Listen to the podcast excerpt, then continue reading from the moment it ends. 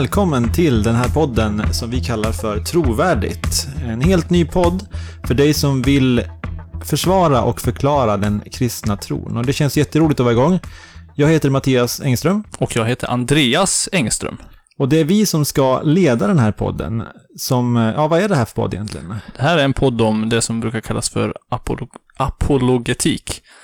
Som, ja, som helt enkelt handlar om att förklara och försvara, att ge skäl för varför man tror att den kristna tron är sann. Ja, och det här är ju första podden, så vi tänkte vi skulle börja med att förklara lite om vilka vi är och varför vi gör det här och hur upplägget kan tänkas ut. Så att om du vill börja Andreas med att säga vem du är. Ja, men det vill jag börja med.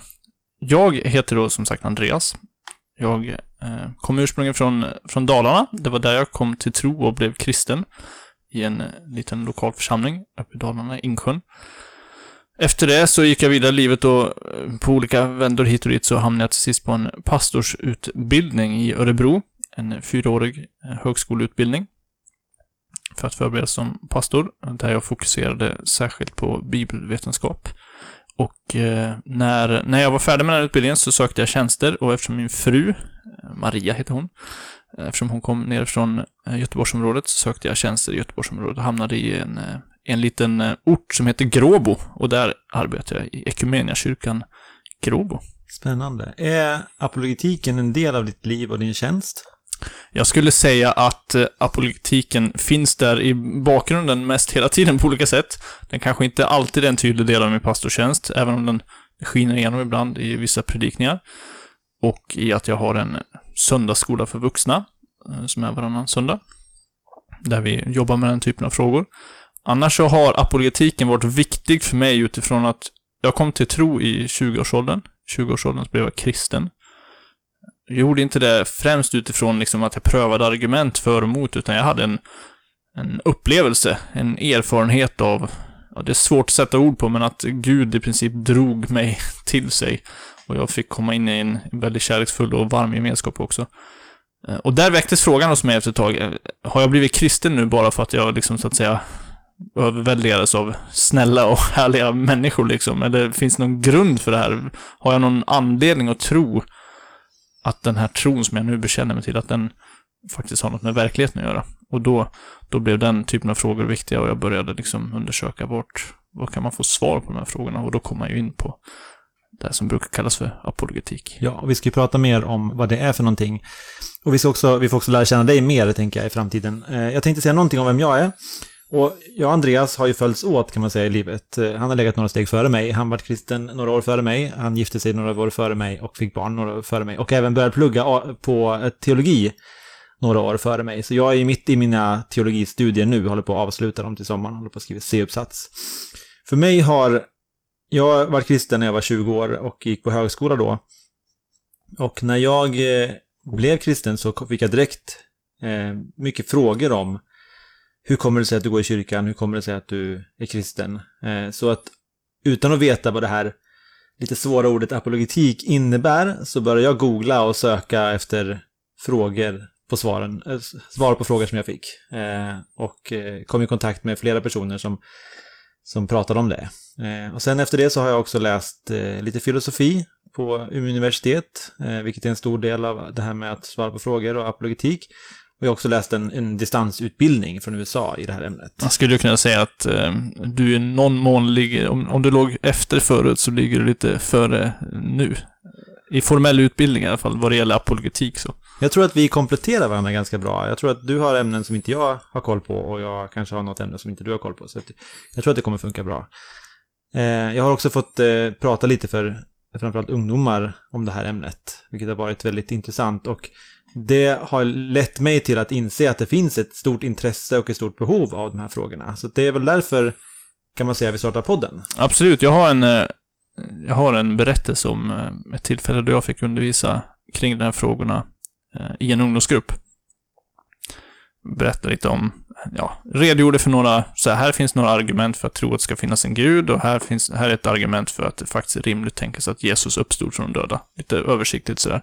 Och efteråt så är det en tjej som säger till mig att ungefär så här, jag har aldrig hört något sånt här förut. Jag, jag trodde att man bara trodde jag, jag, jag visste inte att man kunde ha skäl för att tro som, att det liksom finns något att stå på.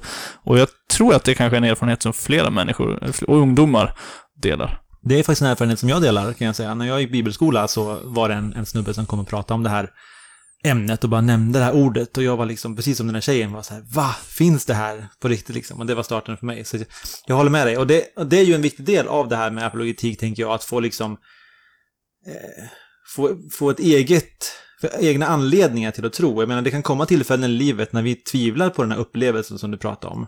Och jag har alltid tänkt så här att även om jag har haft en upplevelse av att det är sant och mött Jesus, som jag, även om det är svårt att beskriva, så kan jag också säga att de här argumenten eh, har ju också lätt hjälpt mig att behålla min tro. Jag brukar tänka att man kan ha som ett dubbelt försvar. Alltså jag har upplevelsen på ena sidan, men jag har också argument. Det var någon som sa att jag har inte tillräckligt med tro för att vara ateist. Och lite så kan jag känna igen mig. Alltså om jag skulle ge upp, när jag kollar på de argumenten som vi ska prata om sen, då kan jag se att om jag skulle ge upp och vara kristen, då måste jag tro väldigt mycket märkliga saker. Eh, så det här det är ett sätt att bevara sin tro. Så det är ju en del av apologetiken, för den kristna att bevara sin tro. Absolut, och sen finns ju den andra sidan av eh, apologetiken. Eh, just det ordet apologetik kan ju låta nästan lite högflygande, avancerat och svårt bara för att det är ett grekiskt, eller inspirerat, hämtat från ett grekiskt ord så Men jag tror att det är något väldigt vardagligt för en kristen. Så fort en kristen också, förutom för sin egen del, försöker fundera varför tror jag så, utan vill motivera för andra, när man, när man försöker liksom helt enkelt dela med sig av sin tro till andra människor, så, så ganska snart komma in på det här. Människor frågar varför ska jag tro att det du säger är sant, liksom. Och, och det är ju någonstans där apologetiken rör sig också, att ge skäl för, ja men här är några anledningar till att, att åtminstone överväga det jag säger som, eh, som trovärdigt och, och, som rimligt. Så förutom från den personliga delen finns den här mer utåtriktade aspekten av apologetiken också. Men hur ska vi göra det här nu då? Hur ska vi ha en sån här podd? Hur ska den se ut? Ja, vi har ju tänkt oss vi har ju egentligen tänkt oss att uh, om man lyssnar på den här podden, då får man följa med Andreas och Mattias på en, uh, en grundkurs i apologetik kan man säga. Eh, så, så, man får följa med här under ett, ett antal avsnitt och vi kommer försöka vara någonstans mellan 20 och 30 minuter sådär. Där kan vi tänka att det blir lite längre nu första gången när vi presenterar oss och så här. Ja, precis. Och i, i varje avsnitt så kommer vi avhandla något, något ämne. Eh, och så kommer jag kanske ha någon liten paus i mitten då vi gör något lite annorlunda, som vi kommer berätta mer om sen. Och sen så fortsätter vi med, med ämnet. Så att, ja, om man lyssnar på avsnitt efter avsnitt så kommer man efter, efterhand ha eh, fått en ganska överblick av vilka argument finns det för den kristna tron och vad, vad handlar det här med om. Ja, vi börjar väl där i alla fall och, och ser det som en grundkurs och sen får vi väl se var det tar vägen någonstans eh, när vi fortsätter. Eh, jag tänker också att en, en, viktig del kommer vara att vi gärna interagerar med den som lyssnar, med er som lyssnar. Att eh, vi kommer ha en Facebook-sida, vi kommer ha ett Instagram-konto där man kommer kunna ställa frågor. Eh, och tanken är att vi ska få in dem i programmet så att det blir ett samspel mellan den som lyssnar. Ja, det är ju jätteroligt om vi... Om, för det första är det roligt om vi får lyssnare, men det blir ännu roligare om lyssnare också hör av sig eh, till oss och ställer eh, frågor ja. eller så vi räknar ju, precis, vi är inte så här, nu ska vi få alla lyssnare i världen, utan vi, vi är ödmjuka och vi hoppas att det här blir bra. Vi tänkte också passa på att samma, säga det i samma spår, att vi är ju inte varken professorer eller Bibeln, så att vi är ju inte ofelbara, utan vi kommer ju kunna säga saker som är fel, eller hur? Jag hoppas ju undvika det, men det, det kommer nog kunna vara så att, eh, att vi säger saker som Um, både, så här, det, det, vi kommer säga saker som uh, vissa säger inte håller med om, och det kan leva med, och så kommer vi kanske säga saker som ibland också bara rent objektivt sett, ja, där tog vi miste, där, där hade vi fel. Så. Och vi är öppna för korrigering då, alltså vi tar gärna emot sådana tankar, men, men vi skulle uppskatta om de kom personligen till oss och inte hamnade i någon tidning någonstans. Uh, typ men, Dagen. Men, typ Dagen. Men det kan vara bra att veta i alla fall. Uh, men vi hoppas i alla fall att det ska vara givande för er som, som lyssnar. Första temat då, första temat ever kan vi säga då. Eh, det känns stort. Inte, ja, absolut. Och vi tänkte ju då att vi skulle börja med att, att bena ut lite vad det här med apologetik är. Eh, så det här får vara en sorts intro till apologetiken då. Och vill du börja Andreas? Ja, jag tänkte jag skulle börja dela med mig av bara en personlig erfarenhet som, som jag tror fångar lite vad, vad apologetik handlar om. Jag har varit runt och undervisat i det här temat, inte riktigt lika mycket som du kanske, men i lite olika sammanhang i ungdomsgrupper och på en sommarbibelskola och sådär. Och då har jag brukat inlett de lektionerna genom att ställa den här frågan. Varför är du kristen? Har jag frågat ungdomar. Och då har svaren ofta handlat om att man har pekat på en erfarenhet. Man har sagt, eh, Gud har svarat på den här bönen, så kanske man berättar om ett bönesvar av något slag. Eller man, eh, man berättar att, ja men Gud ger mig en frid som jag inte upplever någon annanstans. Eller vad det nu kan vara. Någon slags erfarenhet sådär.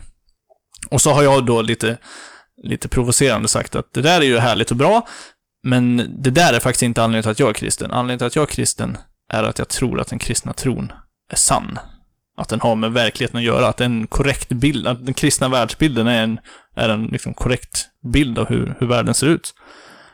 Och sen utifrån det så är det ju såklart så att um, de här erfarenheterna är ju inte något som man behöver nedvärdera, utan den kan ju faktiskt vara en personlig anledning till att jag tror att det är sant. Men det, det är ändå det som apologetiken någonstans rör sig kring och handlar om. Varför, vad, vad har jag för skäl för att tro att det här är, är på riktigt, så att säga? Mm. Så frågan kanske inte egentligen är varför tror du på det här, utan frågan är varför bör du tro på det här? Ja, men precis. Och det, det är för att den är sann. Precis. Ja, och där kan det finnas olika anledningar. Det kan vara upplevelsen, men det kan också vara att det finns argument, det finns saker som stämmer överens med verkligheten.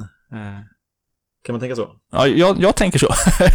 och jag tror att det är rätt att tänka så. Jag tror det är så vi eh, tar oss an verkligheten eh, alltid, eller tar oss an vardagslivet. Vi, vi har, alla människor har en rad trosföreställningar och övertygelser, och vi tänker och tror och tycker saker. Och ibland så kanske inte de är så genomtänkta och motiverade, men ofta så så motiverar vi dem och vi gör det utifrån eh, på olika sätt. Vi kan göra det med hänvisning till auktoritet, till exempel kan vi hänvisa till vetenskapsmännen säger, eller vi kan göra det utifrån erfarenhet, att jag vet att mamma älskade mig, älskar mig för att ja, jag har en erfarenhet av det. Vi har, vi har olika sätt att motivera våra, eh, våra övertygelser och våra eh, trosuppfattningar. Ja. Och när samma olika upplevelser, olika erfarenheter, olika argument pekar åt samma håll, så styrker det att det är sant. Precis som jag pratade om att jag har både haft min upplevelse och, och den är viktig för mig, men jag har också argument eh, och de pekar åt samma håll. Eh, det här ordet då, nu pratar vi om apologetik. Eh, du sa att det är ett lite lurigt ord. Det är ju från grekiskan. Ja, det står i Bibeln. Vill du? Ja, det här ordet används i Bibeln på om min snabba sökning i mitt bibelprogram stämde, så vid tre ställen. Det kan, det kan hända att det finns någon mer variant av ordet utspritt sådär, men det finns tre ställen och ett av de kanske viktigaste ställena när man pratar om apologetik, det brukar Eh, brukar man hämta från första Petrusbrevet, eh, tredje kapitlet och den femtonde versen där det står så här. Herren Kristus ska ni hålla i heliga hjärtan. Var ständigt beredda att svara var och en som ber er förklara det hopp ni har. Och det här, det var ständigt beredda att svara, det som översätts här i Folkbibel 15 med svara var och en. Under ordet gömmer sig ordet apologia, som, som betyder försvara, eh, motivera. I i utombibliskt material så kunde man uppmanas att ge sin apologia, sin apologi när man ställdes inför rätta i en domstol. Man skulle ge sitt försvar. Så, så det, det är det som Petrus uppmanar sina läsare att liksom vara beredd att svara när ni så att säga ställs inför rätta, eh, bildligt talat. Så precis som vi har en uppmaning i Bibeln om att vi ska älska andra människor, eh, så har vi också en uppmaning att vi ska kunna ge ett försvar för vår tro. Ja, absolut. Ja. Jag, jag, säger amen. Men om, om man... Eh, hur man känner att det, är lite, det här är lite stort. Alltså, det här, du ska vara beredd att svara. Jag brukar tänka så här också att, att det här är någonting man eftersträvar. Precis vi strävar efter att älska andra människor, vi misslyckas ibland, så är det inte alltid vi har alla svar, men, men här är uppmaningen av att eh, söka reda på svaren. Så om du får en fråga som man inte kan, då kan man gå hem och söka en bok eller alternativt lyssna på Trovärdighetspodden då. Ja, det är, det är bra. Ett, ett bra tips. Och, och jag, jag, noterar bara att Petrus säger ju faktiskt inte så här, ni måste ha alla svar. Han säger var beredda att svara. Eh, och, och där kan man ju kanske ibland få säga, ah, jag har inte ett svar just nu, men du är i alla fall redo att liksom ja, söka svaret eller att eh, du, du avvisar inte bara folk och säger nej, ställ inte dumma frågor, utan du är beredd att ge ett svar liksom. Men behövs det här då? Jag menar, är det inte bara att tro på Gud? Är det inte det det handlar om? Ska vi inte bara, ska vi inte bara liksom eh, ha blind tro? Eh, hur, hur, kan du, hur kan man tänka om det? Jag läste en grej på internet som jag tycker var ganska talande. Um, en artikel där, där författaren sa så här, om, om tro så att säga bara handlar om att ja, jag, jag bara tror, jag bara hoppas att det är så här. Eh, och att tro är till och med någonting som eh, ju mindre bevis vi har för det, desto bättre är det. Då vore det bästa som kan hända kristen tro, det är att vi hittar Jesu grav och att benen ligger kvar där. Och, minst precis, för, för då, nej men då krävs det ju massa Ja, tro i så Ja. fall. Mm. För då, då pekar allting mot motsatt, motsatt riktning. Och jag tror inte det är en kristen def- definition av, av vad tro är. Och vi kommer att prata mer om det i ett senare avsnitt, så här, vad är en kristen definition av tro? Men, men jag, jag, jag personligen tänker snarare att eh, tron kan underbyggas av, av skäl och argument för den. Och behöver inte, behöver inte vara dess motsats liksom. Nej, det kan snarare stärka den som det var i mitt fall. Absolut. Jag tänker också att man kan skilja mellan, eh, det vet jag att William Lane Craig gör, han kallar det för knowing and showing. Alltså att veta att det är sant och att visa för andra. Att veta att kristen tro är sann, det tror inte jag att man behöver ha argument för. Eh, Va- varför tror du inte det? Jag tror att upplevelsen, eh, och när jag pratar om upplevelse här, att möta Jesus, så tror jag framförallt att man skulle kunna mer tekniskt beskriva det som att den helige ande flyttar in i oss och vittnar till oss om att det är sant. Eh, och det är ett jättestarkt skäl. Och att det är sant, för det är en upplevelse. Och precis som jag inte kan bevisa egentligen att vi sitter, vi sitter i ett podcastrum här i Vara just nu. Men egentligen så skulle jag kunna vara en, eh, en eh, som en hjärna i en galen vetenskapsmans labb som bara skickar signaler till mig som får mig att tro att jag sitter här. Och du som sitter och lyssnar på den här podden, samma sak skulle kunna vara sant med dig. Och det har vi inga bevis för egentligen. Vi kan inte heller bevisa att... Det blir väldigt svårt att bevisa Det är det. jättesvårt. Men vi har en upplevelse av att det är sant. Jag upp- upplever att jag sitter här just nu. Ja, precis. Och om jag inte har någon anledning att tvivla på den upplevelsen, då borde jag lita på den.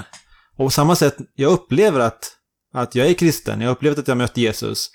Och om jag inte har någon anledning att tvivla på den upplevelsen, då eh, borde jag hålla fast vid den. Så jag tror att helig Andes vittnesbörd ger oss en anledning att vara kristen utan argument. Sen så tänker jag att argumenten kommer som en som ett plus, plusmeny, eller så som en extra ett skydd liksom. Eh, och likadant som med showing då, då tänker jag att ännu mer, som du sa, när man pratar med andra människor, att då kan man få visa på argument, men också upplevelsen. Alltså du kan också få uppleva det här. Men en upplevelse blir ganska subjektiv, så man kan liksom börja med att åtminstone ta bort hinder. Alltså någon kanske har problem med vetenskapen och tycker att det är ett jättehinder från att tro på Gud. Och man kan då börja visa att det här är inget hinder. Då öppnar man upp människor från att ha den här upplevelsen. Skulle du säga att det här hjälper oss också, säg att vi möter en muslim till exempel. En muslim skulle också kunna argumentera, jag har en erfarenhet av Gud, eller jag har upplevt Gud sådär. Ja, och jag tror inte att vi ska tänka att bara för att en annan person har en upplevelse, att det ska minimera min upplevelse. Men jag tror att när vi ska avgöra mellan oss, då är argument väldigt eh, nyttigt. Men du, Andreas, kan man verkligen eh, argumentera någon till att bli kristen? Ja. det beror på vad man menar såklart. Jag, jag förstår ibland när människor säger att man kan inte så här, argumentera in någon i Guds rike. Och så säger man kanske att det, det är bara den helige ande som kan föra människor till tro. Och i, i någon mening så håller jag med om det. Jag tror det är sant. Jag tror att vi ser det i Bibeln också, att när människor omvänder sig så är det för att Gud är verksam.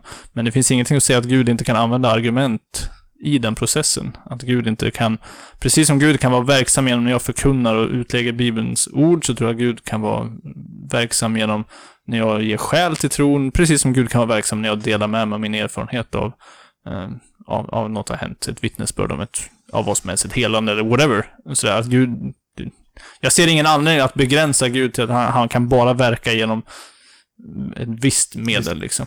Ja, jag kan verkligen skriva under på det. Det var ju så eh, Gud drog i mig i många i stora eh, drag, liksom. Att det var intressanta argument. Eh, så. Eh, och jag vill avsluta med att säga om det här, vi ska avsluta det här segmentet med att säga att när vi pratar om att diskutera och debattera tron så menar vi inte att man ska vara en gris liksom i diskussionen, man var dryg och... och Det är ju helt klart obra. på. Verkligen. Och i det här bibelstället som du läste så hade vi med det här ödmjukhet och respekt. Och jag tror att det är jätteviktigt när vi pratar om det här. Eh, Jag brukar tänka så här, om du blir arg när du diskuterar, då har du förlorat. Om den andra personen blir arg, så har du förlorat. Så att, Det är lose-lose liksom, Lose-lose. oavsett vilket. så att eh, målet är att ha en, en kärleksfull dialog med människa och hjälpa den att föra eh, människor närmare sanningen. Så att jag, om jag skulle avsluta med en definition bara av, av apologetik så skulle jag vilja säga att det är att i kärlek ta sig tid att svara på argument och ge skäl och svara på argument emot den kristna tron för att hjälpa människor att föra dem nära sanningen och nära Gud. Jag tror att det är en eh, bra definition. Men vad, vad tänker du om... Vad, vad tänker du när, när... Så att säga, man kan ju fastna i diskussioner också. Har, du- har du någon input på det? När, när, ja, men en, en del människor säger så här, men jag vill inte debattera och diskutera, jag vill bara, jag vill bara berätta om min relation med Jesus liksom. Men det handlar väl mycket om att, att se, vara medmänsklig och se vad som funkar. Alltså finns det inget intresse, det blir bara låsningar, ja men då kanske det är bra att, att lägga det på is då ett tag. Eh, kanske umgås mer tillsammans, kanske ha mer personlig och sen, och sen ta upp diskussionen med ett annat ämne när det finns, när det insluts i en mer, i en bättre miljö, eh, tänker jag. Jag tänker att bönen är jätteviktig också, att be för människor, att öppna deras hjärtan och så vidare. Eh, ja men jag tror att det får avsluta den första delen av intro till apologetik. Tycker det låter som en bra, bra avslutning. Ja,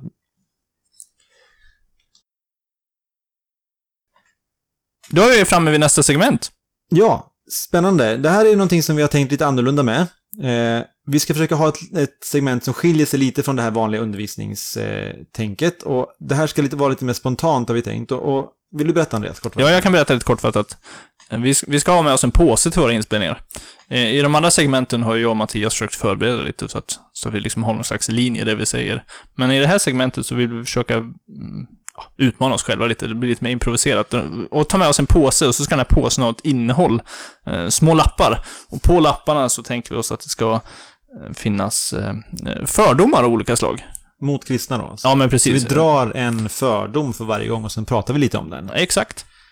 Eh, och idag har vi ingen påse, men vi har förberett en fördom och sen så ska vi fixa en bra påse. Det, det får man ju gärna skicka in, tänker jag också. Om man Jättekul lyssnar. Skicka in absolut. fördomar. Vad möter ni för fördomar som, som kristna, liksom? Och en, den fördom vi tänkte prata om idag, eh, jag tror att den är ganska vanlig, eh, även om man kanske inte får höra det, så, så vet jag så ofta på arbetsplatser och så, så vet jag att det här är någonting som ungdomar möter en del. Och det är helt enkelt när folk säger så här, men vadå, kristna är ju korkade. De har ju inte tänkt igenom det de håller på med. Bara generellt lite mer dumma än andra människor. Lägre Ja, IQ, men de har liksom. lurats in i någon och tror på någonting som inte fattar eller eh, föräldrar, de har inte tänkt igenom det liksom, utan det, det är mest korkat bara. Hur kan man svara på en sån? Ja, vad ska man svara på det? Ehm, jag tänker så här spontant bara om jag är totalt egofixerad och bara fixerad på mig själv, så tycker jag, men du då? Nej, men så kanske man inte ska svara, men, men jag, jag, för egen del, och det är klart, det blir väldigt personligt då hur, hur jag har kommit till tro. Att jag har kommit till tro i vuxen ålder, jag har haft en upplevelse som jag sen börjar fundera, ligger det någonting i det här och jag vill börja utvärdera och, och pröva den liksom. Det här, det blir ju lite Mendura. Jag kan ju uppleva när jag pratar med icke-troende människor att de, de har åtminstone tänkt, lika lite som kristna tänkt igenom sina ståndpunkter. Jag tror att det är generellt mänskligt att vi, vi är ganska bekväma varelser, så att säga. Vi, det är inte alltid så smidigt att utmana sina egna övertygelser. Och det, och det, så i viss mån, ja, så kan det säkert vara att en del kristna inte har tänkt igenom vad de tror på och varför. Och det är lite därför vi tycker det är bra med en sån här podd. Men, men att gå därifrån till att säga att kristna generellt är, är mindre intelligenta eller korkade. Jag är inte säker på att vi skulle kunna backa upp det eh, med någon slags empirisk undersökning. Nej, men visst. Och jag, jag tänker också att det hjälper här att dels så hjälper det att ha skäl för sin tro. Alltså, om man, om man har det och så får man höra att man är korkad, alltså, man vet ju att det inte är sant. Alltså, inte på andra områden i livet, men även när det kommer till ens kristna tro så har man tänkt igenom varför man är kristen. Och då kan det hjälpa att försvara. Sen kan det hjälpa att veta att, att det finns väldigt mycket smarta människor, eh, Nobelpristagare, forskare, som är kristna. Eh, så det är verkligen inte sant, utan den, den, det påståendet är ju outbildat kan man säga. Och ogenomtänkt. Sen, Och- så, sen kan det alltid finnas en, en känslomässig reaktion som är jobbig. Eh, Jag, jag tänker ett annat perspektiv på frågan är också att, ja, säg att det skulle vara sant. Säg att kristna är generellt på någon slags IQ-skala så här, har lägre IQ än, än, vad, eh, än vad muslimer eller buddister eller ateister sådär. Ehm, det påverkar ju egentligen inte huruvida det vi tror på är sant eller inte. Det, har ju, det enda det säger är att kristna är inte riktigt lika smarta som andra människor. Så att man skulle ju kunna ganska bara säga, ja okej, du, du säger att det är så, men men här har du fem skäl till varför jag tror att den kristna tron är sann. Kan vi prata om dem istället för att prata om den kristna intelligenskvoten, liksom? Ska vi använda ett svårt ord här? Låt mig höra. Ad hominem. Ja, men precis. Vad är ett sånt? Berätta. Ja, men det är ju när man attackerar människor istället för argument. Alltså man säger att det här är fel därför att du är dum. Det är ett dåligt argument. Otroligt dåligt argument. Alltså, köp inte den här tvn för att eh, den här personen är korkad. Liksom. Alltså det, det hänger ju inte ihop, utan du får ju ha argument för varför tvn är dålig då, inte för att personen är dålig. Och samma sak när det kommer till kristen tro. Alltså ge, I så fall får du säga varför det är fel. Och det är där den intressanta diskussionen kommer. Om du kan säga den frågan då, men vad är det som gör att du tycker att jag är korkad när jag tror på kristen tro? Ja, då är diskussionen igång. Det är en jättebra ingång egentligen. Om någon skulle komma och den på en så är det bara att köra, liksom, då har man en startpunkt. Ja. Eh, Precis som du säger. Och sen kanske vi kan bara avsluta med att säga att vi lever i en, en kultur som inte är pro-kristen tro, och det vet vi om. Mm. Eh, så att, att vi kommer med ett påstående som är ganska långt ifrån deras världsbild, det är inte så konstigt att man reagerar, eh, att man blir förvånad eller att man, man tänker att det här är konstigt, för man möter det inte i vardagen helt enkelt. Så vi kanske inte ska bli så förvånade heller, och Bibeln är ganska tydlig med att när vi är tydliga med vår kristna tro så kommer vi få mothugg. Eh, men jag tänker att, det kan, att veta de här sakerna som vi pratat om nu, att, att, det, är, att det finns bra argument för det, att det finns smarta människor som tycker att, som håller till det här, och att det handlar om sanningen egentligen, eh, det kan ge en grund att stå på när man får det här påståendet. Då. In i den andra, det andra segmentet i det första avsnittet, och här tänkte vi att vi skulle, vi pratar fortfarande om apologetik och vad det är för någonting, och här tänkte vi att vi skulle prata lite mer om hur det kan se ut, hur, hur det kan ta sig uttryck. Och en sak som är väldigt bra eh, att veta om när det kommer till apologetiken, det är att man ofta delar in det i ett offensiv apologetik och en defensiv apologetik. Och den defensiva apologetiken, det är försvaret mot den kristna tron. Det handlar ju om att man, när det kommer invändningar, när det kommer argument emot eh, den kristna tron, så kan man ge svar på dem. Det kan handla om sånt som ondskans problem, hur kan Gud vara god, och när, när det finns ondska i världen, eh, hur ska man hantera evolutionen som kristen? Alltså när man ger försvar emot sånt som blir attacker då. Och den offensiva apologetiken, det är då man går till anfall, när man flyttar fram sin offensiv och, och, och ger argument och skäl till varför den är sann. Och det ska vi komma in på också, olika sådana argumentation. Man kan visa på olika sätt att det här pekar emot att den kristna tron är sann. Så en offensiv och en defensiv. Och när man pratar om offensiven så är det ofta argument man, ska, man pratar om. Och då kan man undra, vad är egentligen ett argument? Ja, och det första man kan eh, konstatera när det gäller argument, eller när vi pratar om argument i det här sammanhanget, så syftar vi ju inte på människor som är upprörda och som så att säga argumenterar argt med varandra. Typ utan- två italienare som står så här. Nej, precis. just Med den här härliga, det här är bra radio, eller bra podd, när man gör tecken. fingerviften. Exakt, finger, det är inte fingerviftet vi har i åtanke, utan det vi har i åtanke är egentligen eh, att man, eh, man försöker försvara eh, en ståndpunkt genom att ge skäl för den, och, och då gör man det ofta genom att man lägger an, fram ett antal premisser som då ska leda till en slutsats. Premisser. Ja, premisser är ju är egentligen ett påstående. Eh, till exempel ett påstående kan vara alla kossor äter gräs. Det är, det är, jag gör ett Det är på... ett typiskt påstående. Ja, det är ett påstående. Jag påstår att, att det är så liksom. Och, och sen kan man ju ge, liksom, motivera att jo, men så är det. Hur vet jag att alla kossor äter gräs? Eh, ja, alla kossor vi, vi har observerat gör det, till exempel. Det, Alla vi har frågat. alla, vi har, alla, precis, alla kossor vi har frågat säger att de gillar gräs. Ja. Så. Och sen kanske man har ett antal sådana premisser och så ska de hänga ihop och så leder det till en, till en slutsats. Vi kanske ska ta ett exempel. Ja, Om vi kör, kör. vi kör det här ko, ko-exemplet då. Då kan man säga så här, P1, som är premiss 1, eh, alla kossor äter gräs. Och sen kan man gå vidare i argumentet och sätta upp en till premiss, eh, P2, premiss 2. Eh, Mattias äter gräs. Och så kommer vi till slutsatsen, Mattias är en ko. Nu, nu anar lyssnarna, hoppas jag, och du också, att här var ju ett argument, men det är ju något som är... Vi har, vi har kommit fram till att, i det här argumentet att Mattias är en ko alltså. Ja, exakt. Det, det är slutsatsen. Ja. Och, och, och rent så här logiskt håller det ihop sig. Alla kossor äter gräs, och om Mattias äter gräs så borde slutsatsen vara... Eller följer det verkligen? Hänger det här ihop, eller? Ja, alltså för det första är det inte sant att jag äter gräs. Jag äter Nej. sallad, men jag äter nog inte gräs. Jag vet inte vad definitionen är riktigt där. Nej, precis. Det får man fråga kanske. Eh, men jag tänker att slutsatsen följer inte av, de, av P1 och P2. Du kan inte dra inferensen att, för det finns andra djur. Det finns andra som äter gräs. Precis, inte bara kossor som äter gräs. Nej, så man, man blir inte en, en ko bara för det. Men du, du sa ett svårt ord där. Uh, inferensen, vill du Ja. förklara det? Ja, men man gör ju en logisk inferens från de här två slutsatserna. Och det, det kan man ju säga är ju bara en slutsats. Alltså, n- när man har två stycken påståenden som leder till en slutsats, då gör man en logisk inferens till att komma fram till eh, slutsatsen. Och ett, man ska ge bara ett bra argument istället då, så kan man ju säga så här. Eh, alla människor kommer att dö. Alla människor är dödliga helt enkelt. Alla människor är dödliga. Eh, Andreas är en människa. Nu hämnas jag lite här. Ja, jag märker det. Därför kommer Andreas en dag att dö. Och här hittar vi inte några brister i, i Nej. premisserna. Man, man kan undersöka, ja men, eh, dör alla människor? Ja men man kan göra biologiska undersökningar och visa på att det är sant. Är Andreas en människa? Ja, man kanske är en robot, säger någon. Ja, men då undersöker vi och ser, är han en människa? Ja. Han verkar uppfylla alla krav på en människa. Och då slutsatsen blir då. Så så ser ett argument ut. Eh, och det är ofta sådana argument man presenterar för den kristna tron. Och när man eh, formulerar argument- så finns egentligen två saker som jag tänker på. Det, det ena är att de här premisserna ska hänga ihop logiskt. Det, det är den ena aspekten av ett argument. Och den andra aspekten av ett argument är att premisserna ska vara... Ja, vi, vi vill att de ska vara sanna, eller åtminstone mer sannolikt eh, sanna än, än, Än inte. än, än inte liksom. Mm.